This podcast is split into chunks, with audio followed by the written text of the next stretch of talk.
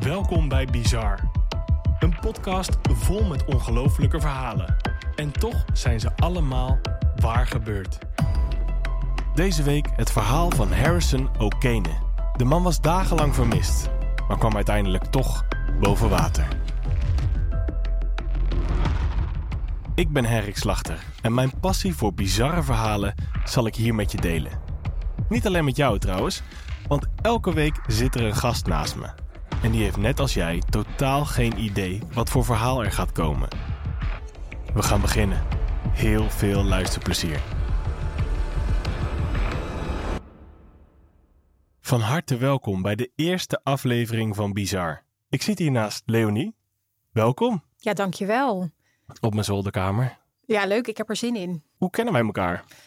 Nou ja, wij hebben met elkaar vroeger op de basisschool gezeten. Dat is natuurlijk waar het begon. En jij zat wel een groep hoger dan dat ik zat. We go way back. We go way back. ja, en het is zo grappig, want ik kan me dus wel een keer herinneren dat ik bij jullie thuis ben wezen spelen. Mhm. Ik weet niet meer of het nou met Dionne was of met jou, maar in ieder geval met een van de twee, met een hoogslaper volgens mij. Had een van jullie een Ja, hoogslaper? ja, ik. Ja. Ja, zeker. Ja, dat was heel stoer. Dus, maar verder weet ik er niet zo heel veel meer van. Maar ja, zo lang kennen we elkaar. Ik heb nog videobanden waar jij op staat. Ja? Ja. Ja. Oh, lachen. Dan moeten we eigenlijk even een keertje Van kijken. een kinderfeestje of zo. Oh ja? Ja. Mekaar een hele tijd niet gesproken en later kwamen we elkaar weer tegen. En nu zitten we hier. En wat ik heel leuk vind, is dat jij eh, dezelfde passie deelt als ik. En dat is het vertellen van verhalen. Ja, tof hè? Ja, vind ik heel leuk. Ja. Dus eh, toen je zei van, goh, zou je een keertje te gast willen zijn? Eh, ja, tuurlijk. In komende afleveringen ga ik vragen of luisteraars zelf iets bizars hebben meegemaakt. En dat heb ik net aan jou gevraagd en je hebt er even over nagedacht. Ja, en ik had wel iets. Eigenlijk had ik er van tevoren wel over na kunnen denken. Had ik niet gedaan. En jij stelde de vraag en toen moest ik echt gelijk denken aan mijn oma.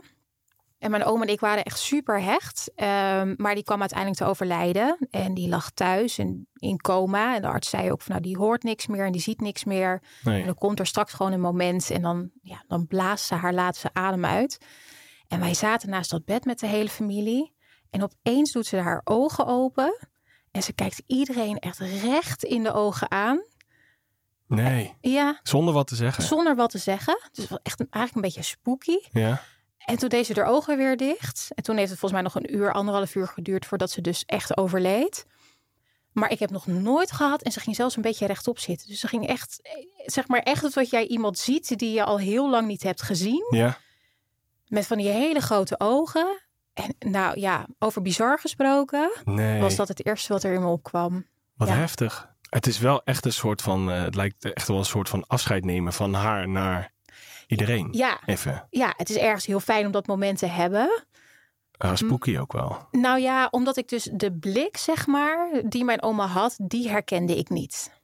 En Oh. dat maakt het dus eng. Ja. Dat ik wel denk, het leek of dat ze, ik wil niet zeggen bezeten was, Dat iemand maar anders was. ja, of dat er iets, iets anders in zat wat dacht, nou ja, maar ik ga jullie nu nog even een beetje, ze lachten ook niet. Het was echt zo'n hele strakke blik. Dat ik ook wel dacht, ehm, Maar het lijkt me wel heel naar eigenlijk om te zien. nou, het is gewoon bizar. Ja. Ja, het past echt in deze. Nou. Het was gewoon echt bizar. Ja, maar tegelijkertijd had ik het denk ik ook niet willen missen. Nee. Nou, ik heb ook wat bizarre verhalen voor je vandaag. Ja, ik ben heel benieuwd. Ik merk ook dat ik een beetje op het puntje van mijn stoel ga zitten. Oh, dus echt? ik heb er echt zin in. Niet te veel doen, want eh, je bent ook zwanger, hè? Ja, ik ben en zwanger. Maar ja, mocht je dus eh, in één keer een klap horen, dan eh, ja, let niet op mij. Kan eruit knippen, hè? Oh ja, gelukkig. Ja, Maar, maar ik zou denk dat ik hem erin laat. Ja, ik wou het zeggen. Laten we gauw beginnen met het verhaal van Harrison O'Kane.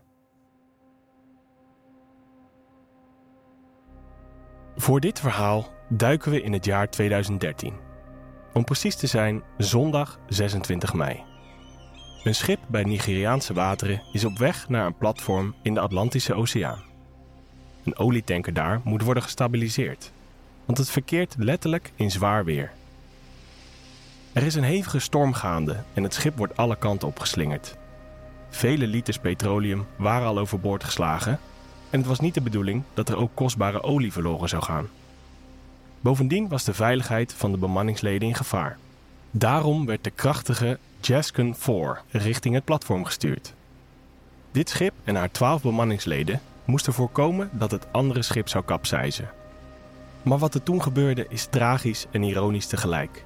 De Jaskin 4 kwam zelf in een ruw deel van de zee terecht en kapseisde. Dit gebeurde om 5 uur in de ochtend. Het schip raakte ondersteboven en zakte vervolgens 30 meter naar de bodem. Het was zo'n 32 kilometer verwijderd van de Nigeriaanse kust. Dramatisch genoeg verdronken de bemanningsleden, die op dat moment allemaal aan het slapen waren in hun kajuiten. Zo'n 20 kilometer verderop waren er op dat moment duikers aan het sleutelen aan een pijpleiding. Dat was trouwens deels een Nederlands duikteam. Hen kwam ter oren dat de Jaskund voor was gekapseist en gezonken. Ze wilden er direct heen om een reddingsoperatie in gang te zetten. Maar dit kon niet. De weersomstandigheden waren daar te gevaarlijk voor. Pas na anderhalve dag werden de duikers toch richting de plek van het gezonken schip gestuurd. Ze moesten op zoek naar de lichamen van de bemanningsleden. De duikers gingen op pad met camera's. Zo kon iemand op het dek meekijken wat er gebeurde en instructies geven. Die toezichthouder heette Colby Warrett. De duiker heet Nico van Heerde, een Nederlander dus. Op de beelden is te zien hoe Nico op 30 meter diepte met een lichtje bij het schip schijnt. Je hoort hoe Nico overlegt met Colby. Het klinkt wat gedempt en is slecht verstaanbaar en ze praten veel in vaktaal. Nico's stem klinkt heliumachtig. Okay, so you found it. All right, you're, going, you're going to be going up there. Is that right? Okay, correct. All right, you're in the right place. Now you're going on to the main deck. De duiker wordt naar het hoofddek van de Jaskun gestuurd. Hij oriënteert zich wat en verkent de ruimte van het schip. En dan ineens raakt een hand de arm van Nico aan. Ik zal jou even het beeld laten zien. Oh, je hebt daar beeld van. Ja, zeker. Ja, en ik ga proberen deze ook op de Insta te zetten, zodat mensen deze kunnen zien. Dus ga daarheen en bekijk het, want het is echt een bizar beeld. De audio van het beeld zal ik even laten horen. All right, how you doing, Nico? Just talk to me and I'll help you, eh? Okay, so have you come into the next deck? Onto the main deck? All right, so you should be on the on the on the ceiling, yeah? Okay. What's that? Okay. Hmm, All right, you found one, yeah? He's alive. He's alive. Okay, keep him there. Keep him there. In eerste instantie denken Nico en Colby dat ze een lichaam hebben ontdekt. Maar binnen minder dan een seconde wordt duidelijk dat de persoon nog leeft. Na twee en een halve dag op 30 meter diepte. Als ik dit zie, dat je als duiker zou ik mezelf echt helemaal kapot schrikken. Ja, Maar laat staan dat jij dus in dat gezonken schip zit al 2,5 dag. En opeens komt er dus een duiker. je ziet ineens een lichtje. Nou, dan zie je dus zijn blik.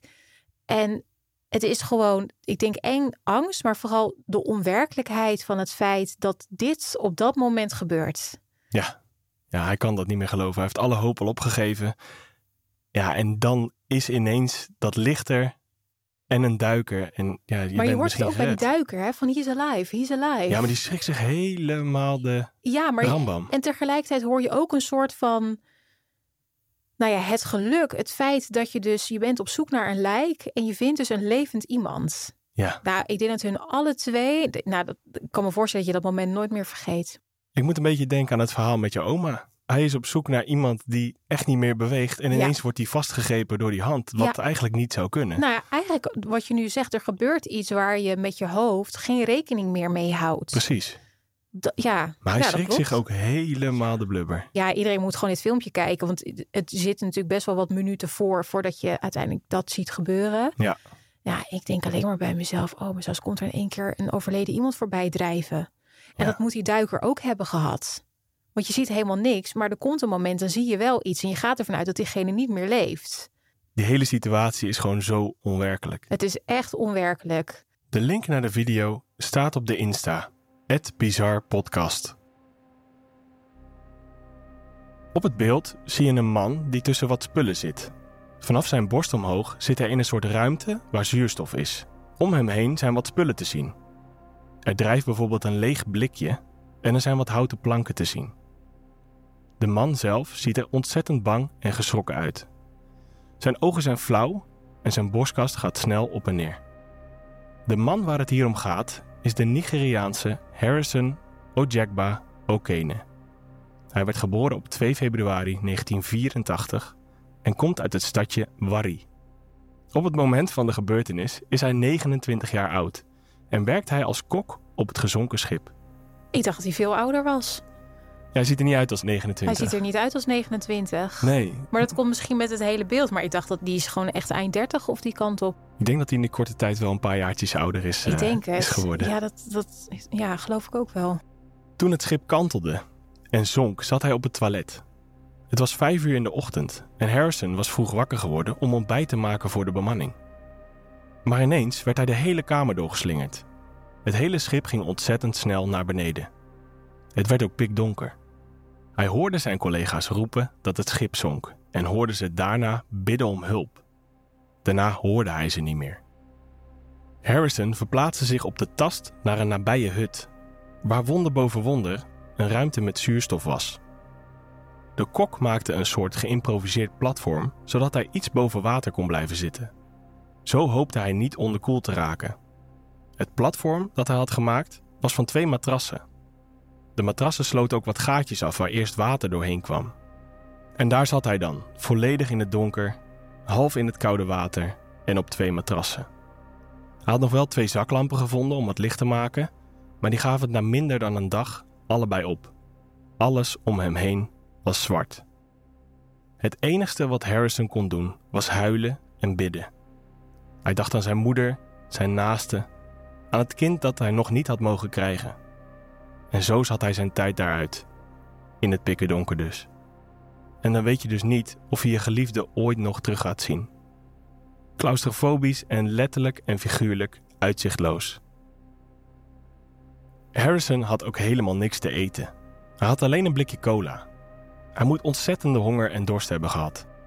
Het was super koud en hij had ook alleen nog maar een onderbroek aan. Op het moment van zinken was hij natuurlijk net uit bed gerold om naar het toilet te gaan. Hij moest zich nog aankleden. Niet dat kleding echt iets had geholpen in dat koude water, maar toch, het schept wel een beeld. Mentaal gebroken en hongerig zat Harrison te wachten op zijn dood. De zuurstof zou immers een keer opraken. Maar toen kwam daar dat licht waar hij zo naar gehunkerd had. Het was de duiker, Nico. Harrison durfde eigenlijk niet eens naar hem toe te zwemmen. Hij was bang dat als de duiker iets geks voelde, hij zijn duikersmes zou trekken en zou steken. Het doet me een beetje denken aan de Titanic. En dat is een hele stom, stom voorbeeld. Maar daar kan ik nog een beetje het beeld vandaan halen... van dat je mensen zag die echt nou, bevroren en noem alles maar op. Maar zo koud voelen en zo hongerig zijn... en dat het zo donker is... Ik zou niet weten hoe ik me dan zou voelen. Plus je bent ook nog al je maten kwijt Ja. op het schip. Je Ja. weet niet waar ze zijn. Nee. Dus die onzekerheid heb je ook nog. En het is echt een kleine ruimte. Het is wel grappig dat je de Titanic noemt trouwens, want volgens mij heeft de kok het daar ook overleefd. Is dat zo? Ja, volgens Oh, mij dat zouden we eigenlijk even moeten factchecken. Zo noem je dat toch? Ja. Factchecken? Gaan we meteen even doen. Ja, daar ben ik dus heel benieuwd naar. Maar daar doet het me echt aan denken. Ik zoek het even op.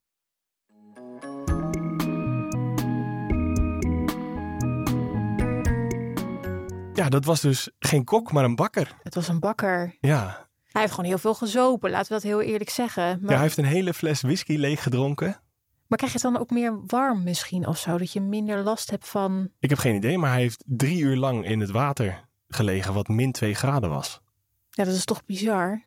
Ja, dus mocht je een schip opgaan, word kok of bakker en dan zijn je overlevingskansen eh, toch het grootst. Ja, of gewoon constant bij diegene in de buurt blijven. Ja. Ik denk dat de volgende keer als ik op een schip stap... dat ik gewoon... Sowieso eet ik heel graag. Gewoon dat altijd, ik- altijd bij de keuken blijven. Ik blijf gewoon in de buurt van Ja, de keuken. snap ik. Ja. Nou, even weer terug naar Harrison. Die was eh, ontzettend bang dat Nico zijn duikersmes zou trekken en zou steken. Maar toch gebruikte hij zijn laatste beetjes energie om Nico zachtjes aan te raken. Hij had ook geen andere keuze. De kok merkte dat de duiker toen ontzettend trilde en ging weer wat naar achteren om vriendelijk te zwaaien naar de camera. Zo zou de toezichthouder op het dek zien dat het een man was. En Nico en Colby die wisten natuurlijk op dat moment dat er iemand zat die nog leefde. Nico kreeg nu vanaf het dek de opdracht om Harrison gerust te stellen. Hij stak zijn duim op als teken dat alles goed zou komen. Okay, just reassure him. Give him a thumbs up and reassure him. Hij gaf de kok intussen een flesje water. Maar voordat Harrison weer richting het oppervlak kon worden gebracht, moest er een hele operatie in gang worden gezet. Harrison had namelijk zo lang op de bodem gezeten dat er gevaarlijke hoeveelheden stikstof in zijn bloed zaten. Alle bloedwaarden moesten worden hersteld voordat hij naar boven kon worden gehaald. Harrison kreeg intussen een duikhelm op. Zo kon hij ook met Colby communiceren. Ze vertelden elkaar hun namen. Daarna zegt Colby: Ik ga je naar huis brengen. Dat is wel echt een uh, kippenvel momentje. What's your name? Harrison. Okay, Harrison. My name is Colby. And I'm going to bring you home, okay? And the diver that's helping you now, his name is Nico. Okay, that's Nico, okay? Op het moment dat je dan ziet dat hij gered wordt. Ja, en, en dan komt die tekst van ik ga je naar huis brengen. Ja, je ziet hem een soort van Ja, breken ook, hè? eigenlijk wil je ergens nog weten of dat die twee nog contact hebben. Maar dat moment, dat, dat moeten zij voor eeuwig met zich meedragen. Dat kan niet anders. Kom ik later nog op. Oh, oké. Ja, dat was nog een hele operatie om Harrison uit die boot te krijgen en sowieso naar de oppervlakte te krijgen. Ze moesten de 29-jarige man naar een zogeheten duikersklok brengen. Dat is een ruimte waar mensen zonder duikuitrusting onder water kunnen blijven. Het is een kleine ruimte met perslucht waar duikers aan de onderkant in kunnen zwemmen. Het wordt ook wel gebruikt als een ruimte om pauze te houden voor duikers die buiten de duikerklok aan het werk zijn. Aan deze duikerklok moest Harrison zich vasthouden zodat de druk in zijn lichaam goed zou blijven. Ondertussen ging hij langzaam richting de oppervlakte. Colby loodste hem er mentaal doorheen. Tijdens de hele reddingsactie raakte Harrison nog buiten bewustzijn. Ja, stel je voor, 2,5 dag onder water. Je bent bijna overleden, maar je houdt vol. En pas als je wordt gered, ga je dood. Dat zou heel erg lullig zijn. Dat zou echt heel lullig zijn. Maar gelukkig overleeft hij het. Oh, ik dacht echt even bijna dat je mij nu ging vertellen dat hij het uiteindelijk toch helemaal niet had overleefd. Maar Nee, hij raakte buiten bewustzijn, dus die kans was best wel groot. ja, Ja, en later hoorden we ook nog ja, hoe die op het randje van de dood heeft eh, gebalanceerd eigenlijk. Maar het is ook wel heel fijn dat die mensen die hem redden daar echt verstand van hebben. Want ik denk als ik daar was geweest, ik had iemand gewoon gelijk naar boven getrokken. Ja, echt? Ik had hem überhaupt geen helm opgezet en gewoon, Gewoon Dus hij had het bij 30 mij sowieso niet getrokken. Arme kok. arme kok. Dus ik ben heel blij dat deze mensen dat heel goed hebben gedaan. Ja. Ja, Harrison viel gelukkig alleen maar flauw. Is ook niet gek als je je bedenkt wat hij had meegemaakt. Dat heeft voor zoveel stress en angst gezorgd. Alleen daardoor zou je al flauw kunnen vallen. En dan te bedenken dat hij 62 uur op 30 meter diepte heeft gezeten. Zelfs ervaren duikers wordt afgeraden om langer dan 20 minuten zo diep te gaan. Dat is te gevaarlijk. Harrison heeft het overleefd. Hij kwam boven met de duikersklok en heeft vervolgens twee dagen in een decompressiekamer gezeten. In zo'n kamer wen je langzaam weer aan een normale luchtdruk. Als je van zo'n hoge druk onder water ineens naar een normale druk gaat, kunnen er namelijk luchtbelletjes in je bloed komen. Dat is de zogeheten duikersziekte en dat kan dodelijk zijn. En dat gebeurt dus ook eigenlijk dat als je van 30 meter diepte ineens omhoog gaat, verandert de druk en kan hetzelfde gebeuren. gebeuren. Ja. Terwijl ik heb inderdaad wel eens gehoord bij eh, mensen die om het leven zijn gebracht, dat ze inderdaad lucht ingespoten kregen. Met een spuit. Hè. Dat wordt wel eens vaker gebruikt. Dat ze daardoor om het leven zijn gebracht. Ja, dus dat wist ik wel. Maar ik had dat niet gelinkt met het feit dat iemand inderdaad van, nou ja, zoveel eh, onder de, zeg maar, de zeespiegel weer naar boven. Dat wist ik echt niet. Weer wat geleerd. Fysiek ging het naar omstandigheden goed. Al had Harrison wel ontzettend veel honger. En zijn huid was afgebladderd. Dat ken je misschien wel van als je lang onder de douche staat. Dan krijg je van die rimpeltjes. En hij zat dus 62 uur in het water. Dan bladdert je huid dus af. Mentaal was het een ander verhaal. Harrison was echt gebroken. Hij had last van nachtmerries die steeds terugkwamen. Ik had nog een interview met zijn vrouw gelezen en, eh, en die zegt dat hij soms schreeuwend wakker wordt en zegt dat zijn bed zinkt. Net als de boot toen. Ja. Maar je moet hier toch ook iets van een trauma aan overhouden. Ja, enorm. Je zit in zo'n gevaarlijke positie. Je voelt je zo bedreigd en er is letterlijk niks wat je kan doen. Je zit in het donker en je hebt geen idee waar je bent. En Ja, tweeënhalve dag. ja, Ja. Je, je weet niet hoe laat het is, je weet niet hoe lang geen het teken duurt. van leven. Hè? Je hoort gewoon waarschijnlijk helemaal niks om je heen. Het is gewoon ook letterlijk doodstil. Je denkt ook niet dat je gevonden gaat worden. Nee, nee en wat, doet, wat doen je hersenen dan? Dat ga je verwerken vaak s'nachts. Dus ja, Maar ik vind het wel heel naar voor, voor hem dat dit je dan zo lang achtervolgt. Ja. Ja, en daar kwam nog bovenop dat al zijn elf collega's omgekomen waren. Ja, Dat waren mensen waarmee hij op een boot zat en nauw samenwerkte. En het ding is, Harrison wist niet dat ze dood waren. Hij dacht dat ze allemaal naar het oppervlak waren gekomen.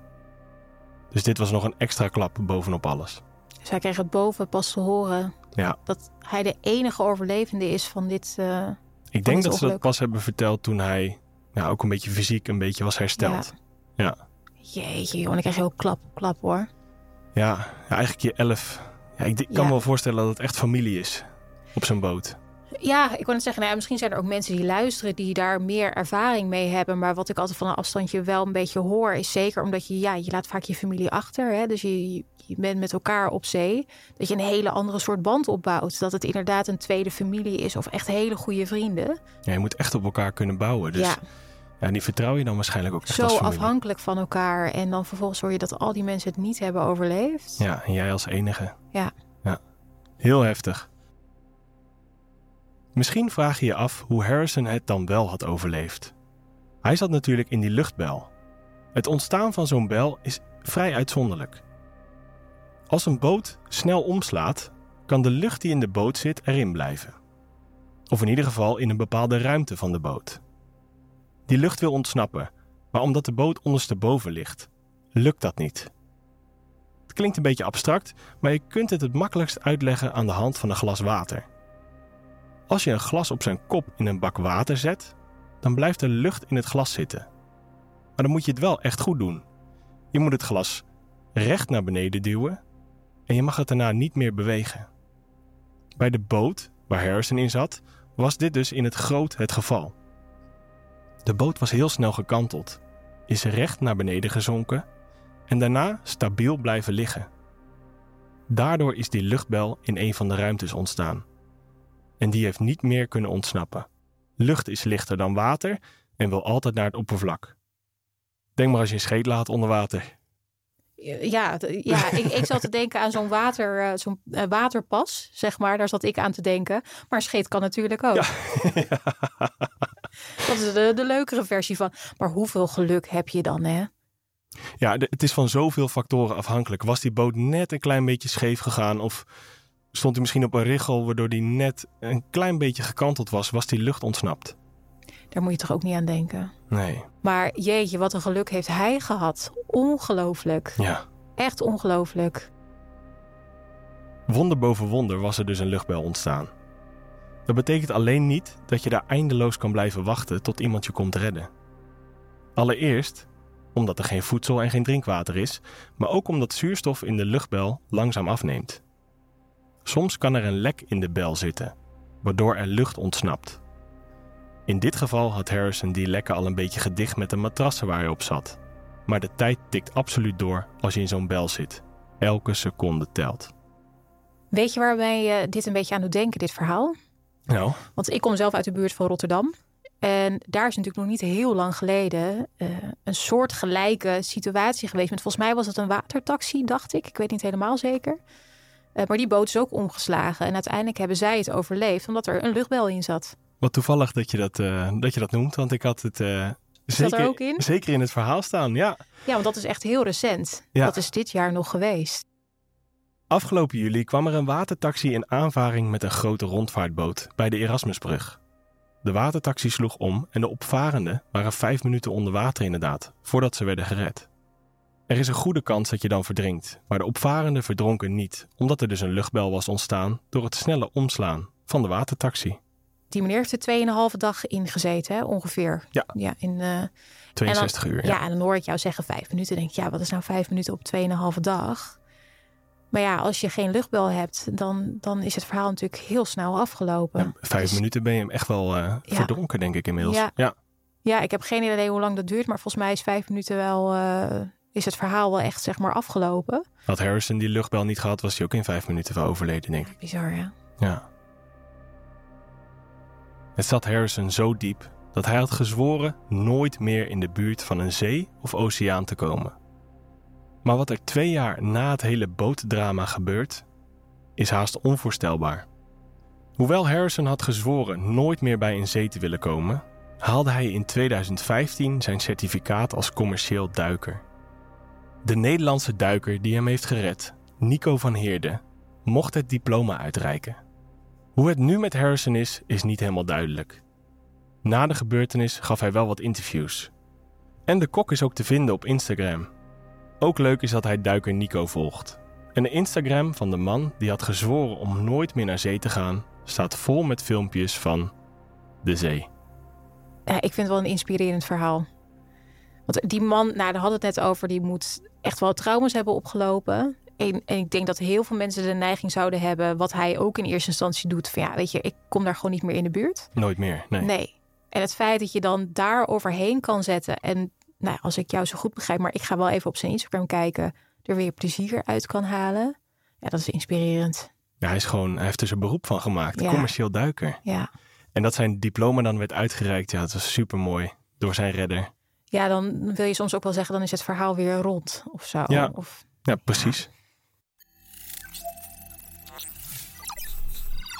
Het bizarre feitje.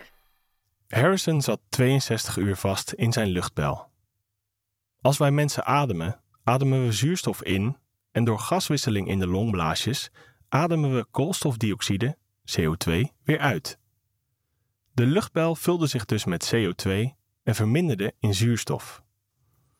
Wetenschappers hebben uitgerekend hoeveel tijd Harrison zou hebben gehad voordat er geen zuurstof meer was en hij zou sterven aan een CO2-vergiftiging. Dit kwam uit op 2,5 dag. Harrison zat 62 uur in de luchtbel. Iets meer dan 2,5 dag. Harrison had al symptomen van CO2-vergiftiging en hij had geen moment later gered moeten worden. Dus als ik jou goed begrijp, hadden ze bijna geen uur later moeten komen. Nee, echt precies dat. Hij was die dag uh, aan CO2-vergiftiging uh, overleden. Had niet anders gekund. Ja ik, ja, ik ben dus zelf niet gelovig. Maar als ik dit dan zo hoor, dan denk ik, ja, dan, nou, laten we zo zeggen, toeval bestaat dan toch niet. Ja, die man heeft op zoveel vlakken, met zoveel factoren geluk gehad. Ik denk dat zijn kans op overleving nog veel minder was dan de hoofdprijs in de loterij winnen. En al die factoren die hebben meegezeten. Ja, dat vind ik inspirerend. Daar kan ik ook een beetje stil van worden. Nou, in jouw stilte zal ik beginnen met een, uh, met een volgend verhaal die hier heel erg goed op aansluit. Want eh, ja, ik zei dat, uh, dat zo'n situatie heel uitzonderlijk is. Betekent alleen niet dat het verder nooit gebeurt.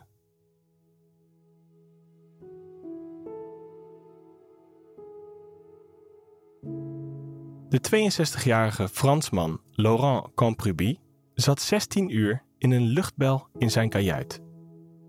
Laurent vertrok zondag 31 juli 2022 vanuit Lissabon met zijn zeilboot van 12 meter lang, genaamd Jean. Zijn doel was om zo'n 1000 zeemijl af te leggen.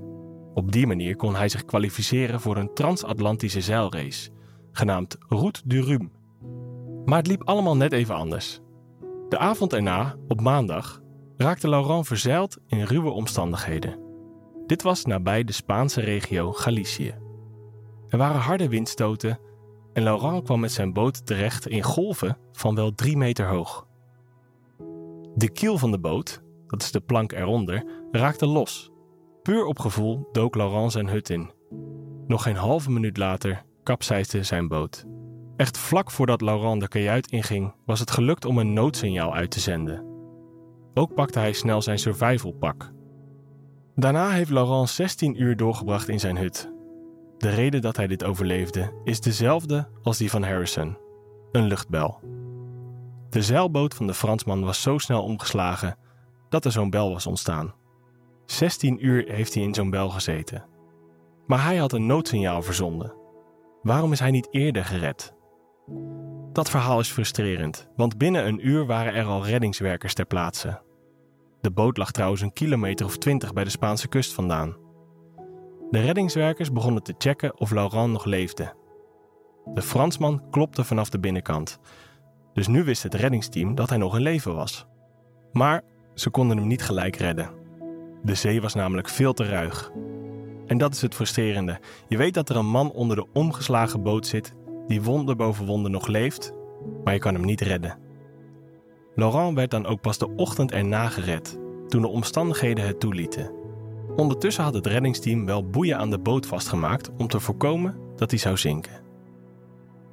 De 62-jarige man had al die uren alleen doorgebracht, in zijn survivalpak in het donker. Toen verscheen er ineens een hand, en die hand leidde Laurent naar buiten. Hij moest echt goed meegetrokken worden door de duiker, want je blijft door zo'n survivalpak eigenlijk drijven. Laurent werd vervolgens helemaal gecheckt door de dokter. Maar hij was kerngezond. Waarschijnlijk wel uitgeput natuurlijk, maar fysiek was er niks aan de hand. Meedoen aan zeilwedstrijden heeft Laurent door deze gebeurtenis wel opgegeven. Hij wil liever gewoon voor zijn familie zorgen, vertelt hij in een interview. En hoe de kiel precies heeft kunnen losraken, is niet duidelijk. Wat wel duidelijk is, is dat de boot door het ongeluk flink is toegetakeld. Laurent kon na het zien van zijn geliefde Jean niet geloven dat hij dit had overleefd.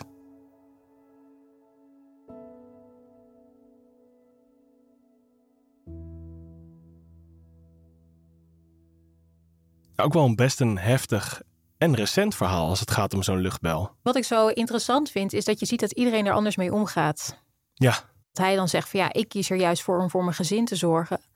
Maar dat die paar seconden dat zoiets gebeurt en dat zoiets eenvoudig als een luchtbel wel echt je hele leven kan veranderen. En dat geeft redden al, ook. ja, redden, maar ook gewoon qua mindset dat je dat je verandert en heel anders misschien wel naar de wereld kijkt. Dat hij ook zegt van nou, ik wil graag voor mijn gezin zorgen. Ja. terwijl Harrison gewoon na twee jaar, nou gewoon, ja, die gaat zijn angsten te lijf en die gaat er zelfs zijn werk van maken. Ja, en, en de ander zegt misschien weer van ja, ik merk gewoon dat ik het, het, het belangrijkste in mijn leven is gewoon mijn gezin. En ik wil het risico niet meer nemen. Dus Ja. die heeft misschien dat weer gedacht. Maar hoe die twee verhalen eh, en die paar seconden zo'n wereld van verschil kunnen zijn voor iedereen die dat meemaakt. Dat, ja.